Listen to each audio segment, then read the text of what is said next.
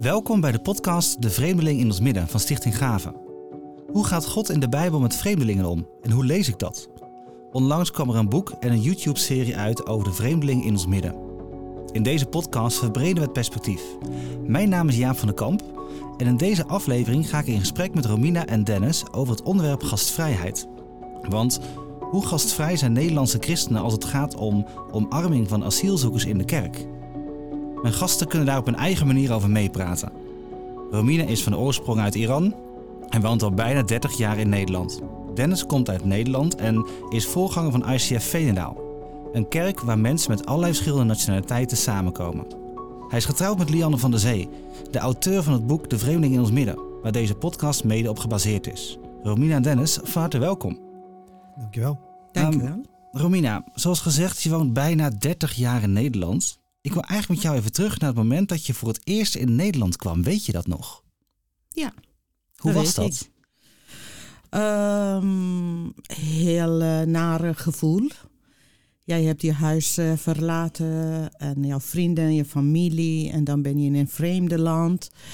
Ken je die taal niet, die mensen niet, die cultuur niet. Hmm.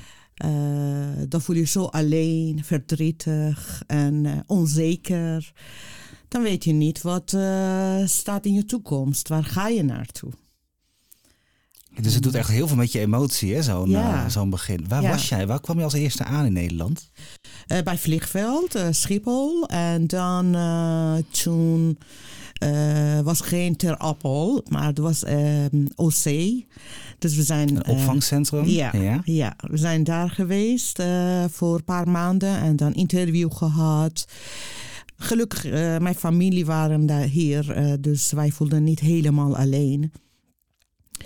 Ehm, maar toch weet niet hoe moet jij jouw leven nog een keer opbouwen. Ehm, dus ehm, in één kant ben je blij, voel je eh, vrij, veiligheid. Dat hoef jij niet zich verstoppen of in gevaar voel je niet meer. Maar aan de andere kant, dan eh, weet je niet eh, hoe moet je verder. Maar één ding wisten we dat eh, God zal die weg ons laten zien dat wij moeten gaan. Dus het vertrouwen in God had je nog? Ja, natuurlijk. Ja, wat hij beloofde aan ons, die weg dat jullie moeten gaan, ik zal jullie zien. Hmm. Dat wist ik wel. En ik kan me ook wel voorstellen als je in het begin dan in Nederland bent, dat je, je hebt alle energie nodig om dit land te leren kennen, maar je gaat ook dingen missen van je eigen land. Ja. Kan je eens een voorbeeld noemen, wat mist je nou heel erg van je thuisland? Ehm, heel veel dingen. Communicatie. Eh, gelukkig kon ik wel Engels praten. Met sommige mensen kon ik wel eh, in gesprek gaan. Eh, maar het sfeer, eten, lekker eten van Iran. jouw vrienden, jouw familie, jouw kerk. eh, dus dat zijn eh, dingen dat jij mist. eh. en voel je heel echt alleen. Kan ik me goed voorstellen. En ondertussen Ja. is het al 30 jaar geleden bijna. Ja. Hoe zie je Nederland nu? Want als je in het begin aankomt, ik denk dat je dan zo, zoveel kan voelen en, en op een hele andere manier Nederland ervaart dan nu. Nu voel ik thuis. Ik heb echt. ehm, in eerste instantie heb ik, mij, eh, eh, eh, ehm, heb ik zelf mijn best gedaan. Eerst de taal te leren. En kennis maken met de cultuur van Nederland. Omdat ik wilde gewoon in samen, eh, ehm, samen zijn met mensen. In die maatschappij gaan, activiteiten hebben. Gewoon, ik wist dat ik moet gewoon hier blijven. En, ehm, dus dan moet je eerst de taal leren. Daar heb ik echt mijn best gedaan. Die moeilijke taal van Nederlands te Ja. leren. Ehm, en dan in contact te komen met kerken, met Nederlanders. Dat was niet zo makkelijk. Wat vond je nou lastig aan die Nederlandse taal dan? Eh, zo onregelmatige dingen. Ehm, Dus uit de grammatica, alle regels Also, ja, dat, eh, dat is onregelmatig. Dat moet jij gewoon ehm, in je hoofd eh, dat accepteren. Dat is Hmm. geen regels eh, eh, bij die taal. Dus er was een hoop om te leren. Ja, ja, ik had het wel hoop. Omdat mijn eigen taal is moeilijker dan Nederland, denk ik. Hey, Dennis, jouw kerk stelt zich nadrukkelijk open voor mensen zoals Romina. Mensen die dus naar Nederland gevlucht zijn. Waarom is dat zo? Ehm, ik denk ehm, omdat we geloven dat Gods evangelie ehm, bedoeld is voor alle volken. God, God zendt Jezus naar de wereld uitdrukkelijk niet alleen om het Joodse volk redding te brengen, maar al de volken. Eh, dat is ook eh, het visioen in openbaringen. Zie je dat, dat, dat voor de troon van het lam mensen uit alle volken eh, God eh, en zijn zoon prijzen om de redding die hij heeft gebracht in deze wereld. Ehm, nou, wij zeggen vaak tegen elkaar als leiders ook in de gemeente. eh, wij mogen daar op zondag een, een, voorproefje van hebben. Als we Mm. samen God prijzen met mensen uit allerlei talen en volken, ehm, dan, dan, dan, dan zien we iets van dat visioen wat straks werkelijkheid zal worden. En dat, dat is ook onze drijvende passie. Dat we mensen uit de volken, zoals we die in Veenendaal in ons geval vertegenwoordigd zien, ehm, ja, dat we die bij, bij de Heer brengen. En eh, dat Gods koninkrijk ook onder die gemeenschappen gestalte krijgt, zeg maar. En daar zijn de groep vluchtelingen dan een onderdeel van. Eh, ja, ja daar, daar, daar, daar zijn vluchtelingen inderdaad een groot onderdeel van. Ehm, bij ons in de gemeente zie je eigenlijk dat, dat we zowel mensen hebben die echt nog in afwachting zijn van hun hele procedure bij de IND. eh, maar we zien ook, eh, we hebben ook heel veel broers en zussen die eh, al heel lang, net als Romina, in Nederland zijn. Die gewoon een status hebben, die hier al een hele geschiedenis hebben en een heel leven hebben opgebouwd. Dus dat is, dat is wisselend. Maar vaak hebben die mensen wel een vluchtelingenachtergrond. Kan je de eerste keer nog herinneren dat je een vluchteling ontmoette? Ja, Hoe ging dat? Ehm, wij kwamen uit België na onze studietijd en we gingen wonen in Kampen. En ehm, we hadden eigenlijk, Lianne in eerste instantie, mijn vrouw, eh, ja, het verlangen om met vluchtelingen in contact te komen. Dat was in 2015, toen was ook een, ook een grote vluchtelingencrisis gaande. Ehm, en ik weet dat ik op een gegeven moment ook dacht van, ik, ik wil daar ook graag iets voor betekenen, iets voor, iets voor doen. En eh, toen was er een, eh, een man die mij mee wilde nemen, zijn naam was Jim. En die, eh, die zei, joh, ga gewoon mee naar het AZC. We gaan gewoon bij een paar mensen op bezoek. Ehm, en En hoe was dat eerste contact dan? ja, ja, heel bijzonder eigenlijk. Omdat je ontdekt. ik vond het eigenlijk bijzonder omdat ik ontdekte hoe, hoe gemakkelijk het eigenlijk was om met mensen in gesprek te gaan. En, en hoe, hoe, eh, hoe mooi het is om te ontdekken dat iemand uit andere cultuur eh, zo, helemaal zijn eigen verhaal heeft, zijn eigen achtergrond heeft, zulke mooie perspectieven op het leven heeft, omdat hij vanuit een andere hoek kijkt. Ehm, dus ik ben één keer op sleeptouw genomen, zeg maar, eh, door, door Jim. En ja, ben daarna eigenlijk elke week zo'n beetje zelf gewoon die kant op gegaan. En van het ene contact kwam het andere. Dus het helpt ontzettend als je met iemand mee kan. Ja, ja. Ja. echt. Dat Want helpt heel wat, erg. wat dacht je daarvoor dan? Om, eh, voordat je naar, op bezoek ging bij iemand, zeg maar? Ehm, het, het leek mij wel heel mooi, maar je voelt een soort drempel.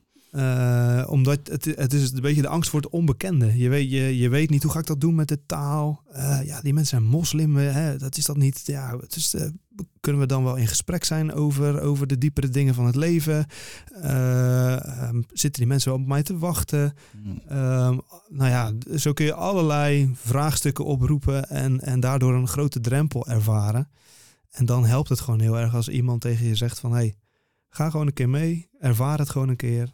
Ehm, en, en nou ja, wat ik al zei, mijn, mijn ervaring was... Hey, het is helemaal niet zo ingewikkeld als wij het vaak maken in ons hoofd eh, als, als Nederlanders. Eh, En misschien klopt het ook niet altijd. Als je zegt van die mensen zijn moslim. Nou, dat is natuurlijk niet bij Nee, iedereen zo. Nee, Ja. nee nou, daar, Nee. Heb, daar heb je het al, precies. Ja. Dus dat, dat is meteen al de vooronderstelling. Oh, deze Ja. mensen komen uit het Midden-Oosten. Nou, die zijn dus moslim. Nou ja, dat is dus niet zo.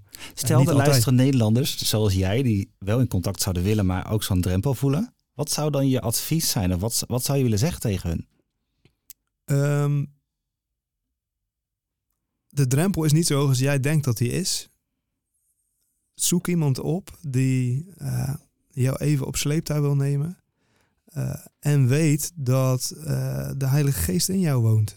als je een volgeling van Jezus bent, Gods geest woont in jou. Ehm, en die kan jou ook gewoon helpen eh, om met mensen in contact te treden. Om de liefde van Jezus met woorden en daden aan mensen te laten zien en bekend te maken. Ehm, dus je, gaat ook nooit alleen. Ook als je in zo'n soort onzekere situatie stapt of iets wat voor jou althans eh, spannend is. Ehm, ehm, God gaat mee. Dus maak er niet een al te grote big deal van. De drempel is echt niet zo groot. De drempel is niet zo hoog als jij denkt dat hij is. Ja. Straks praten we verder over hoe jullie ideale kerk eruit zou zien. Maar eerst wil ik even inzoomen op de vraag hoe gastvrij Nederlandse kerken eigenlijk zijn. Want Romina, hoe heb je die gastvrijheid in de Nederlandse kerk ervaren? Oh, Ik zie je al een gezicht trekken. Goeie vraag. Ehm, in algemeen, ik vind gewoon Nederlanders heel gastvrij. Heel lieve mensen. Maar ehm, daarnaast, als je echt dicht bij mensen eh, gaat en in kerk, dat is soms een heel grote drempel, net als eh, Dennis zei. Eh, voor mijzelf, dat was echt heel moeilijk om binnen die groepen te gaan. Wat als bedoel je in- met binnen die groepen te gaan? ja, als je in kerk gaat, Nederlandse kerk, ik ben gewoon lid van de Nederlandse kerk. Maar ze zijn als een kringen, eh, als een groepen. En die groepen zijn heel dicht bij elkaar. En dat is heel moeilijk binnen de kring te gaan. En ik weet dat eh, voor mij is echt maanden geduurd tot ik elke zondag naar een eh, groep gegaan heb en zelf on- voorgesteld dat ik wie ik ben. En toch was het niet zo makkelijk om met hen in contact te komen. Ehm, ik zag die angst misschien in hen. Dat ja, wie is zij en eh, waarom is zij hier? Wat wil ze van ons? Ehm, dus eh, dat is wel tijd gekost. Ik moest echt geduldig zijn. Ehm, om zich te laten zien dat ik zo gevaarlijk ben ik, ben ik niet. Dus ik ben ook een mens eigenlijk. het is best moeilijk is om te mengen in zo'n kerk. Om gewoon onderdeel te worden van bijvoorbeeld zo'n kleine groep die in de kerk kan zijn. Ja, ja, dat is. eh en denk maar, voor ehm, ons als voor iemand die vluchteling is, is alles verlaten, voelt zo alleen. En als hij, als hij of zij binnen een kerk gaat, dan wordt ook ge- afgewezen of buitengesloten. Dat wordt echt moeilijk, dat is heel pijnlijk. Maar ehm, als je even denkt, eh, zet jezelf in plaats van die Nederlanders, dan zie je, oké, dat is ook niet zo makkelijk iemand te accepteren. Als ze eh, ons leren kennen, dan zijn heel lief eigenlijk. Dan krijg je heel veel liefde, echt ondersteuning eh, en kun je wel thuis voelen in een kerk. En wat heb jij dan gedaan om toch te mengen dan? Eh, me laten zien dat wie ik ben. Dat ik ook, ehm, ja, lief ben. dat ik ook een mens ben. Dat ik heb wel achtergrond. Ik heb wel eh, open geweest tegen eh, die mensen. Dat konden ze wel mij leren kennen. Dat ik eh, hou van Jezus. Eh, over mijn bediening hebben ze ook gehoord. Dat ik eh, heel lang in bediening ben geweest. Ook in mijn eigen land.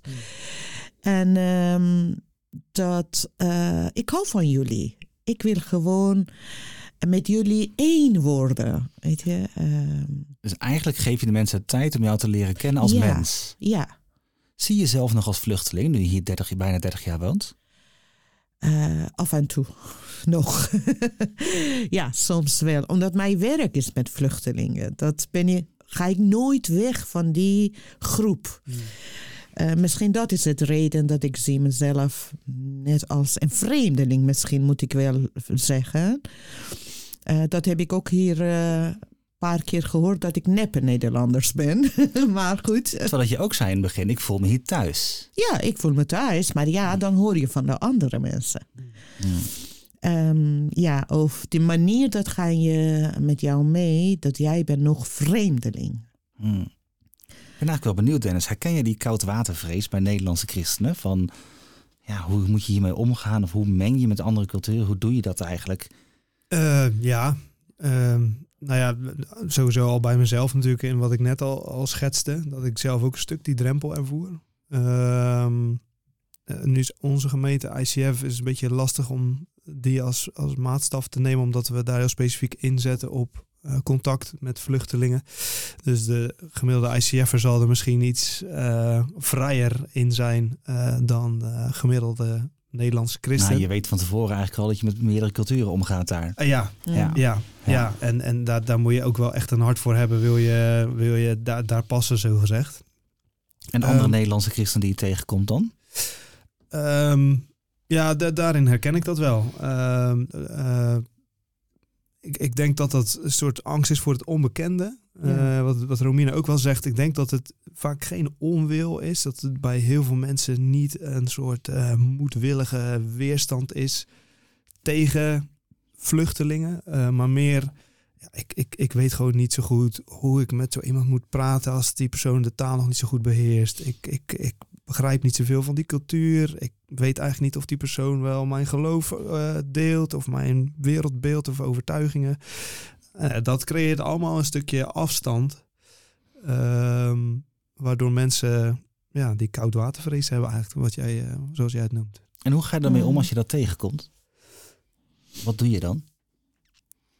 Um, ja, wat ik wel heel belangrijk vind voor Nederlandse christenen om te beseffen is denk ik uh, wat Romina eigenlijk in haar uh, intro eigenlijk een beetje vertelde. Hè, over je laat als christen die vlucht naar een ander land, laat je alles achter. Uh, je familie, je kerk, je, je huis, je, je alles. Um, en ik, ik word vaak getroffen sinds ik bij ICF werk eigenlijk vooral door dat stukje waar Jezus zegt van... hé, hey, weet je, wie voor mij vader, moeder, uh, vrouw, kinderen, akkers, etc. achterlaat, uh, die zal honderdvoudig terug ontvangen. En dan bedoelt hij daarmee te zeggen, hey, je, zult, je zult wat je hebt los moeten laten honderdvoudig terug ontvangen in mijn gemeenschap, in mijn gemeente. En straks, zegt hij dan, het eeuwige leven. Um, dus dat betekent dat als wij broers en zussen hebben die uit andere landen naar ons toe komen, die alles achterlaten, die vervolgens proberen aansluiting te zoeken bij ons Nederlandse christenen, dat wij dus die honderdvoudige zegen waar Jezus het over heeft, die moeten wij gestalte geven. Daar moeten wij handen en voet aan geven. En als wij dan vervolgens met onze koudwatervrees eigenlijk afstand houden, uh, ons terugtrekken uh, en die persoon eigenlijk laten vallen, ja, dan, dan begaan we denk ik echt wel een, een, een, een grote fout, zeg maar. Uh, want ja, onze broer of zus die alles kwijt is, die is op zoek naar een nieuwe geestelijke familie. Uh, ja, die moeten we bieden, zeg maar. Dus ik, ik vind het belangrijk om mensen daar wel bij stil te zetten. Van, hey, weet je, ik snap je koudwatervrees. Ik, vind, ik, ik begrijp dat ook. Ik heb dat zelf ook zo ervaren. Maar we moeten die ergens zien te overwinnen. Uh, richting vluchtelingen, maar even goed ook richting allerlei andere doelgroepen waarvan we in eerste instantie misschien denken, oeh, spannend. Um, want we, we, we, hebben de roeping om een familie te zijn voor die mensen die we op ons pad tegenkomen. Ik vind het zelf ook altijd zo mooi aan die tekst van je naaste uh, liefhebben als jezelf, uh, God boven alles, is dat het ook juist niet de oproep is voor je beste vrienden, de familie met wie je al goed kan, maar met de mensen die eigenlijk anders zijn dan dat je zelf bent. Precies, precies. En dat zit hier dus eigenlijk ook in, van die koudwatervrees, ik denk dat iedereen hem wel herkent. Ja. Um, en dat het tegelijkertijd ook wel een opdracht is om echt die handen en voeten te zijn. Ja, absoluut. absoluut. Hey, is jouw beeld over God veranderd nu je contact hebt met uh, ja, andere broers en zussen uit diverse culturen? Um, ja. Ja. Op wat voor manier? Um, ik denk, nou, laat ik zo zeggen, misschien is dit niet helemaal een antwoord op, is mijn beeld van God veranderd, maar is mijn, het, mijn beeld van gelovigen zijn, zeg maar, uh, en christen zijn en kerk zijn, dat, dat, dat is denk ik meer veranderd eigenlijk dan dat mijn beeld van God zozeer veranderd is. Um, wat bijvoorbeeld voor mij veel rijker is geworden in de Bijbel, is, is dat idee van uh, broer en zus zijn. Um, als Paulus, Paulus schrijft heel vaak in zijn brieven broeders en zusters. En ik dacht eigenlijk altijd stiekem, ja, dat is gewoon een, zo'n een soort aanspreektiteltje wat we met z'n allen gebruiken. Broeder zo en zo, zuster zo en zo, bla bla bla. Ehm, maar dat komt echt ergens vandaan. Dat komt uiteindelijk weg uit de hele gedachte dat wij samen een gezin vormen. Het gezin van God de Vader. Dus nou, misschien om dan toch nog bij jouw vraag terug te komen van is je beeld van God veranderd? Nou, het is niet zozeer veranderd, maar het is wel verdiept. Ik, ik besef me meer dat God echt onze Vader is en dat wij zijn gezin zijn. Uh, en en dat, dat familie zijn als gemeente dus ook uh, super belangrijk is. Dus het heeft ook zin gehad voor jou om die koudwatervrees een beetje te overwinnen eigenlijk. Ja, absoluut. Hm. Ja. ja. ja. straks praten we verder over de vraag hoe de kerk eruit zal zien als een grote multiculturele familie. Je hebt er al een klein beetje wat over gezegd. Maar eerst is het tijd voor een portret van Abraham. Wat een leven heb ik gehad. Vanaf het moment dat ik mijn land verliet, zou ik mijn leven lang vreemdeling blijven. Ik verliet thuis en vrienden en trok van plaats naar plaats. Ik werd rijk, maar voelde me kwetsbaar. Kwetsbaar zonder eigen familie, zonder iemand die het voor me opnam of mij beschermde. Kwetsbaar zonder eigen land. De honger dreef me soms voort om door te reizen. Mijn vrouw namen ze meerdere keren van mij af. Ik was bang om gedood te worden. Wanneer mijn knechten een waterbron hadden gevonden voor het vee, pakten andere herders de put af ik bezat nog geen millimeter eigen grond. Toen mijn vrouw stierf, moest ik zelfs het stukje land waarin ik haar wilde begraven tegen een enorme hoge prijs kopen. Ik zie je al denken: waarom verliet je jouw land? Het was God zelf die me wegriep bij mijn familie vandaan. Hij vroeg me mijn land, mijn stam te verlaten. Ik heb zomaar alles achtergelaten omdat God mij beloofde mij een nieuw land aan te wijzen. Ik had geen idee waar ik naartoe moest gaan. Toch luisterde en ging ik. Ik liet mijn familie, mijn stam, mijn land, ja alles achter op weg naar het onbekende. het was een sprong in de diepe, dat begrijp je. Maar als ik terugkijk, zie ik dat mijn leven onderdeel was van een groter geheel, van een groter plan. Hoewel ik een vreemdeling was onder de volken, zouden uiteindelijk alle volken gezegend zijn in mij. Ik voelde mij kwetsbaar. Ik was bang. Uit angst ging ik soms sluw te werk. Ik was al oud zonder kinderen en toch koos God mij uit om zijn reddingsplan uit te voeren. Hij was het die het voor mij opnam toen mijn vrouw me werd afgenomen. Hij was het die me rijk zegende. Hij was het die mij in mijn ouderdom nog een kind gaf. Hij maakte mij een klein onderdeel van zijn grote missie tot zegen voor alle volken. Ik ben eigenlijk wel benieuwd, eh, Romina, als je het zo hoort over Abraham, wat herken je daarin? Wow, het is echt een heel mooi stuk. Omdat wat, uh, ik heb net uh, van Dennis ook gehoord dat uh, we zijn heel blij als gemeente dat de vluchtelingen komen in onze gemeente. Wij kunnen hen naar God brengen. Um, um, maar um, ik als vluchteling. En uh, zie je in de verhalen van Abraham dat Abraham is zegen geworden voor de anderen. Hij was een vreemdeling die is naar een vreemde land gegaan of uh, tegen andere volken te uh, gaan en over de enige God te praten. En ehm, wat ik zag ook in mijn leven eigenlijk, dat ik was christen. Ik, ik ben door mijn geloof gevlucht. En ik hoefde niet bijvoorbeeld in een kerk te gaan uh, Jezus leren kennen. Maar ik kon wel zegening zijn voor die mensen ook. Niet alleen voor vluchtelingen, maar voor Nederlanders ook. Dus wij kunnen elkaar zegenen. Um, en uh, ik weet zeker dat uh, God gebruikt ons ook als vreemdeling of vluchteling. Uh, om hier die kerken ook te zegenen.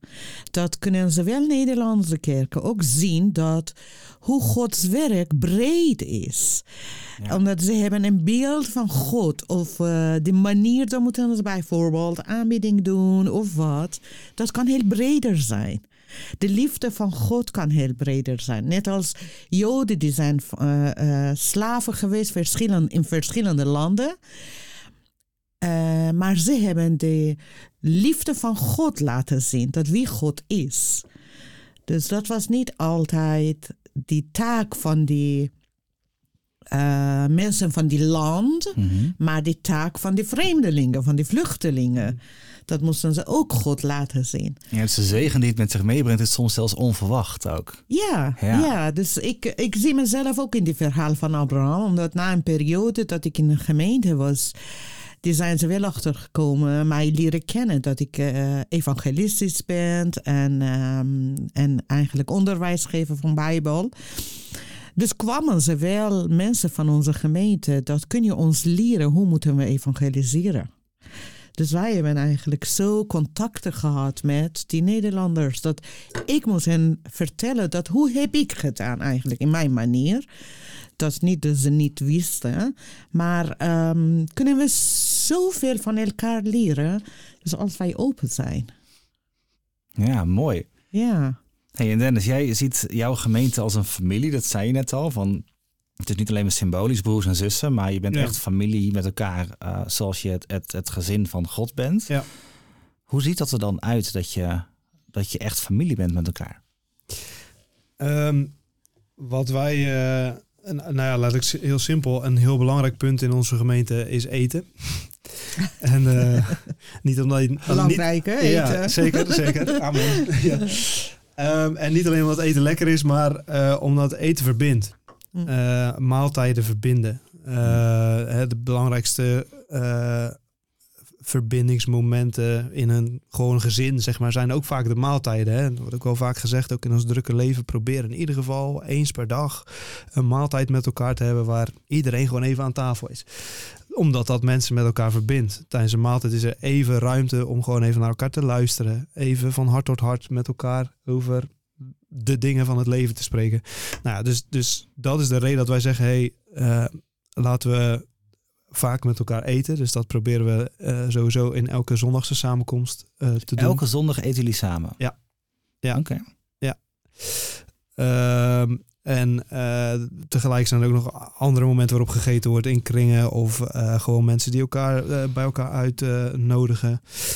Ehm, dus, dus nou ja, heel concreet is eten gewoon echt een, eh, een heel belangrijk ding om eh, familie vorm te geven. Dus als mensen aan mij vragen van eh, hoe, eh, hoe kunnen we meer familie zijn als gemeente? Ja, ga gewoon samen eten. Nog meer eten. Ja. Ja. Oké. Herken je dat, Romina?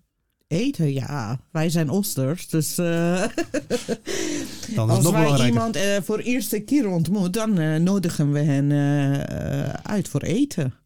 Hier zie je het niet, hè? Nederlands wel een kopje koffie. Met een koekjes bij. Eén één koekje. Eén koekje. koekje.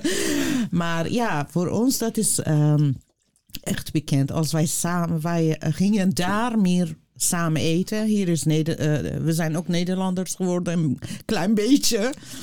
Maar dan eh, ja, herken je van Bijbel ook. Jezus zei, als jullie de deur van je hart openmaakt, ik ga binnen en met jou eten. Hmm.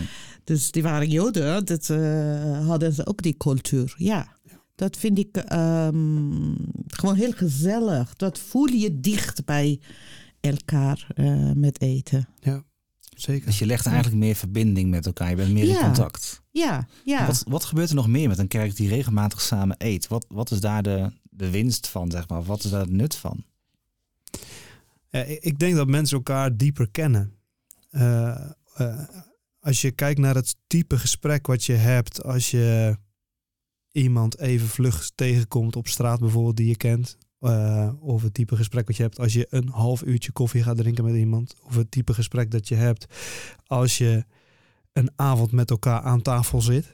Ehm, dan zijn dat verschillende type gesprekken met ook een verschillende mate van diepgang.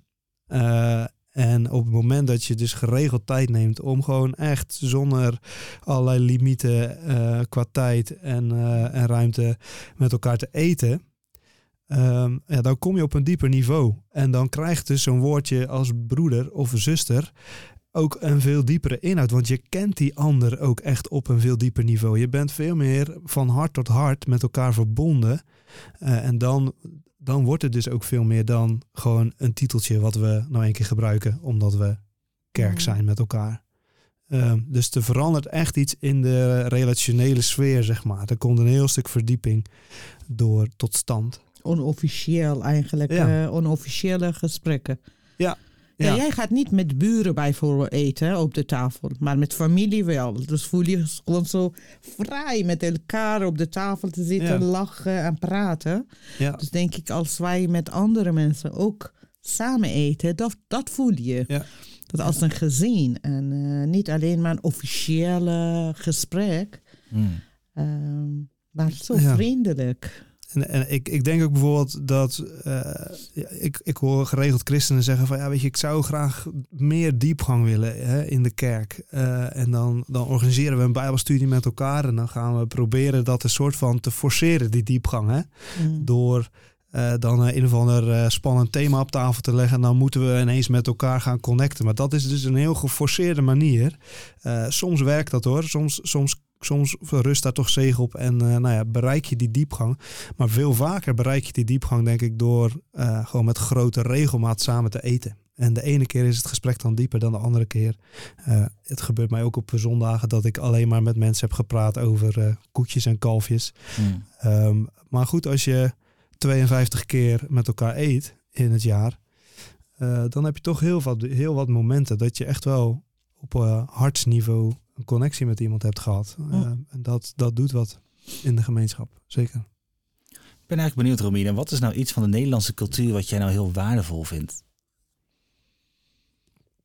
Heel waardevol. Heel Ja. veel dingen. Eigenlijk ben ik heel veel dingen hier geleerd. eh, ook veranderd. Kan je eens een voorbeeld noemen waar je dan blij mee bent? Ehm, elkaar te vertrouwen, open te zijn. Misschien niet 100%, dat het niet bij iedereen of 100%, maar die eh, openheid, eh, dat hadden we niet. We waren bang van elkaar. En dan zie je nog hier, eh, als je in, bij AZC gaat of bij vluchtelingen, die vertrouwen ze niet, vertrouwen ze elkaar niet. Zijn bang van elkaar. En misschien hier, die gevaar was het niet. Daarom mensen voelen zo vrij over alles te praten, over jouw problemen. Ehm, als, je, als je in jouw gezin of persoonlijke problemen hebt, dan ben je zo open tegen de anderen te vertellen. Eh, kwetsbaar te zijn eigenlijk. Maar voor mij was onbekend.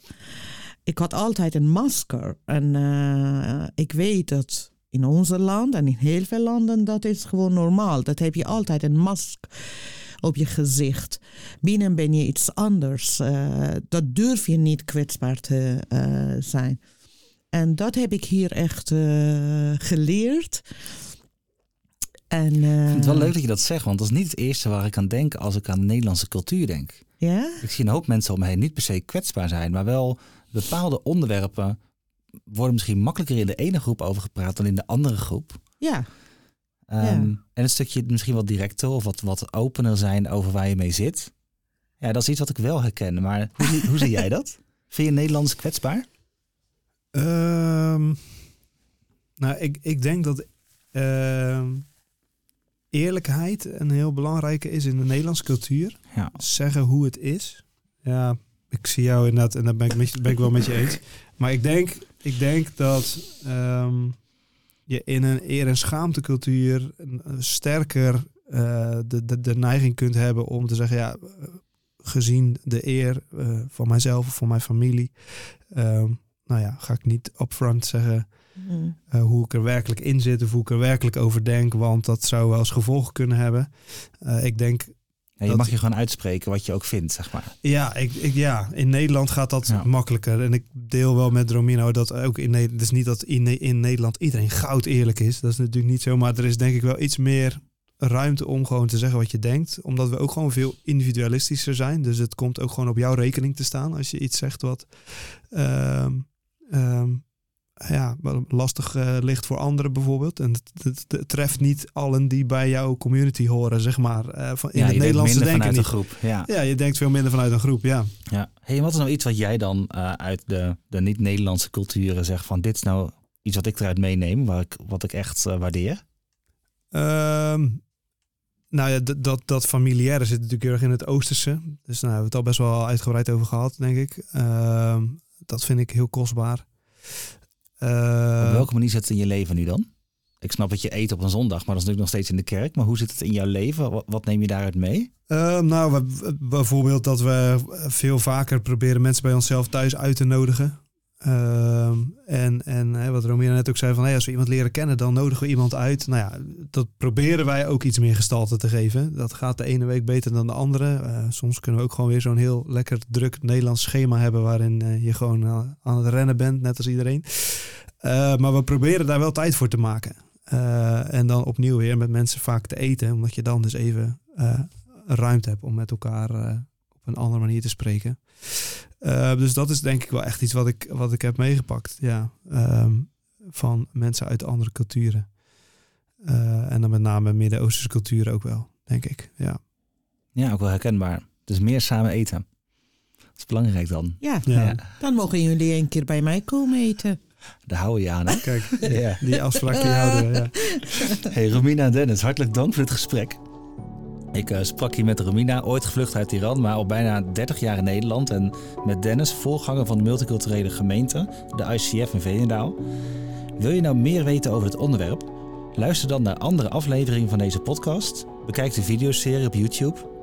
Of lees het boek van de vreemdeling in ons midden die Lianne van der Zee geschreven heeft. De links naar alle media vind je in de show notes hieronder.